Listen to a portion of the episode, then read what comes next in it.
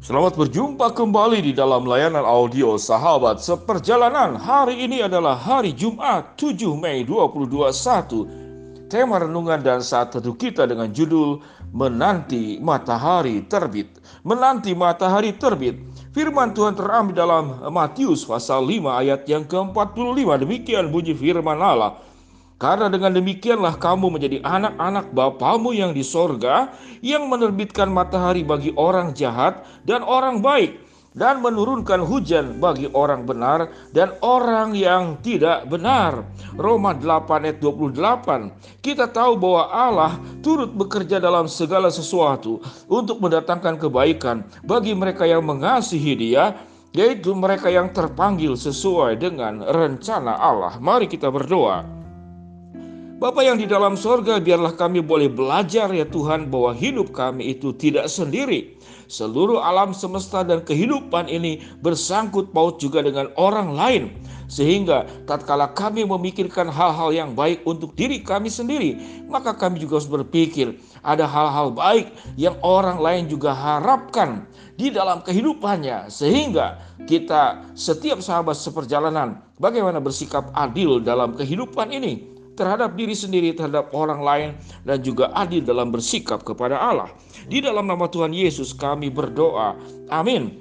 Shalom sahabat seperjalanan yang dikasih Tuhan menanti terbit matahari atau menanti matahari terbit. Untuk zaman sekarang, matahari terbit mungkin bukanlah sebuah masalah karena kita punya penerangan yang lebih kian maju dengan ditemukannya lampu pijar dari Thomas Alva Edison dan kita tetap bisa terang benderang di tengah malam hari. Namun di zaman terdahulu matahari terbit itu adalah sesuatu yang sangat luar biasa yang dinantikan. Setelah matahari tenggelam, tenggelam sampai kemudian matahari sebelum terbit, itu berarti banyak kegiatan yang tidak bisa dilakukan berhenti total. Penglihatan terbatas, segala sesuatu terbatas, semuanya dalam keadaan gelap. Manusia kemudian mampu menciptakan api dan itulah penerang yang Tuhan sediakan lewat alam. Sahabat seperjalanan yang dikasih Tuhan. Kalau kita boleh katakan dengan penjelasan yang saya sampaikan tadi kepada manusia pada zaman-zaman terdahulu. Saat ini kita berada di dalam malam hari atau di dalam siang hari. Kita berada dalam kegelapan atau di dalam terang benderang. Mungkin kita sepakat lewat pandemik ini. Kita sedang berada di dalam kegelapan kita sedang menanti matahari terbit atau menanti terbitnya matahari. Bagaimana sinar terang itu boleh membuka masa depan kita menjadi lebih baik. Semua yang dalam keadaan gelap saat ini seakan-akan sulit penglihatan untuk melihat apa hal-hal baik yang bisa kita kerjakan. Sahabat seperjalanan yang dikasih Tuhan. Kalau kita belajar bahwa terbitnya matahari itu ada bagiannya. Pada dasarnya matahari tidak pernah terbit dia tetap bersinar karena bumi berputar yang membuat ada sisi gelap di bagian bumi tertentu dan ada sisi terang pada bagian tertentu. Pada dasarnya, baik siang maupun malam, itu kebaikan buat kita. Kalau kita tetap terang benderang dalam kehidupan ini dengan sinar matahari yang terus bersinar, maka dunia ini akan terbakar. Sebut saja selama satu bulan atau seminggu saja, matahari itu tidak tidak bergerak yang kita lihat tidak bergerak, maka akan menyendiri satu sisi bumi tertentu, rasanya akan semua mati gosong, mati kebakaran dan kepanasan. Namun itulah hidup. Jadi artinya suatu kita diberkati oleh Allah terlalu berlebihan jangan-jangan itu bisa membakar kehidupanmu. Kelancaran juga bisa membuat engkau lupa diri. Nafsu yang semakin besar. Keinginan yang kemudian yang tidak penting pun keluar serta merta maka itu bisa membahayakan kita. Sewaktu hidup ini dikatakan, banyak orang tua mengatakan hidup ini seperti roda berputar, kadang di atas, kadang di bawah, maka bersyukurlah. Gelap itu tidak selamanya, terang pun juga tidak selamanya. Itulah hidup. Allah memberikan dinamika hidup itu seperti yang Alkitab katakan bahwa Allah turut bekerja dalam segala sesuatu untuk mendatangkan kebaikan bagi mereka yang mengasihi Dia. Sewaktu kita miskin, kita lapar, kita kekurangan, baik ada pelajaran indah. Kita menyadari hidup tanpa Tuhan kita tidak bisa apa-apa.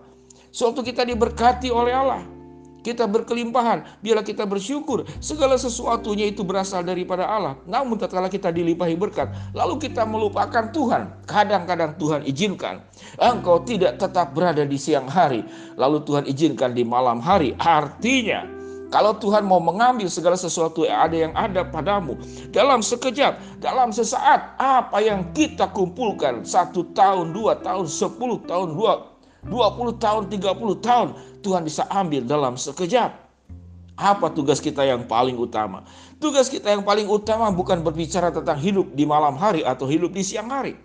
Tugas kita yang utama bukan menanti matahari terbit lalu kita mengeluh kalau matahari terbenam. Tugas kita bagaimana hidup tetap di dalam kebenaran seperti Yusuf. Yusuf itu mengalami malam gelapnya malam dan terangnya siang. Bagaimana dia kemudian dilemparkan ke dalam lubang kering dengan dengan sebuah niatan keluarganya, adik kakaknya untuk mematikan Yusuf. Namun Tuhan mengangkat melalui Potifar. Namun kemudian Yusuf dipenjara kembali. Namun Tuhan juga mengangkat kembali. Itulah hidup, suka duka kehidupan seperti roda yang berputar. Kadang kita di atas, kadang di bawah. Apa pun keadaan kita, yang terutama engkau tetap hidup di dalam Tuhan. Engkau hidup di dalam kebenaran. Pak Pendeta, Bagaimana kalau hidup ini mengalami kegelapan yang sedemikian lama? Sebetulnya tidak ada yang terlalu lama. Tuhan sudah mengatur semuanya itu di dalam proporsi yang sesungguhnya. Kalau engkau diizinkan pengalaman hidup yang kurang baik terlalu lama, maka Tuhan juga akan memberikan kekuatan kepada kita. Dia yang berjanji Tuhan akan tidak memberikan pencobaan melebihi kekuatanmu. Bahkan Tuhan berjanji, jangankan semasa hidupmu, di masa mudamu, sampai masa tuamu. Alkitab mengatakan dalam Yesaya 45 ayat yang keempat. 46 ayat yang keempat apa yang dikatakan? Sampai masa tuamu sampai putih rambutmu aku tetap dia. Aku akan menggendongmu aku akan menanggungmu aku akan memikulmu dan aku akan menyelamatkanmu. Sahabat seperjalanan bagaimana kita tetap bersuka cita? Bagaimana kita tetap berbahagia? Bagaimana tetap kita bersemangat? Bagaimana kita tetap ke, tidak kehilangan segala sesuatu yang indah dalam kehidupan kita bukan karena kita selalu berada dalam terang siang hari, namun karena Allah yang sebagai sumber terang kehidupan yang tetap menerangi pikiranmu, perasaanmu, menerangi kehidupanmu, menerangi setiap perjalananmu. Dia yang selalu ada, itulah terang yang sesungguhnya. Terang kehidupan ini bukan matahari yang paling utama karena matahari bersifat fisik untuk dunia dan bumi ini tapi Allah lah terang kita. Alkitab berkata dalam Mazmur bahwa firman Tuhan itu adalah terang bagi kakiku dan pelita bagi jalan hidupku. Sahabat seperjalanan yang dikasih Tuhan. Marilah kita tidak minta untuk sebuah kehidupan yang selalu lancar, untuk kehidupan yang selalu baik, untuk kehidupan yang selalu dicukupi dan diberkati. Marilah juga kita berdoa yang paling utama di dalam setiap keadaan. Kita mempercayai dan bersyukur Allah tidak meninggalkan kita. Allah lah terang yang sesungguhnya dan bukan matahari. Allah lah sumber pencerahan yang sesungguhnya, bukanlah terang-terang kehidupan sebagaimana yang dalam dunia ini kelancaran, tanpa hambatan, kesuksesan, keberhasilan. Tidaklah demikian keberhasilan yang sesungguhnya, kesuksesan yang sesungguhnya tatkala hidupmu seperti firman Tuhan katakan kepada bangsa Israel, tidak menyimpang ke kanan dan ke kiri. Engkau tahu membedakan tangan kanan dan tangan kiri. Artinya, engkau tahu bagaimana hidup dalam kebenaran di dalam setiap musim kehidupan. Baik musim dingin, musim panas, musim semi, ataupun musim gugur.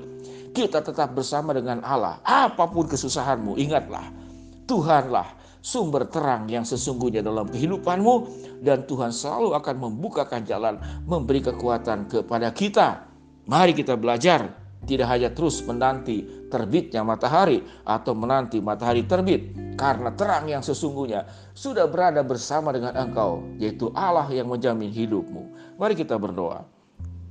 Bapak yang di dalam sorga mau berdoa buat sahabat seperjalanan yang sedang sakit di rumah sakit ataupun di rumah. Tuhan jamah, Tuhan sembuhkan. Buat sahabat seperjalanan yang sedang menghadapi kendala, kesulitan, tantangan dan gelapnya kehidupan ini.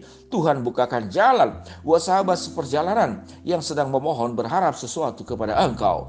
Tuhan akan kabulkan sesuai dengan waktu, rencana dan kehendakmu Di dalam nama Tuhan Yesus kami berdoa. Amin.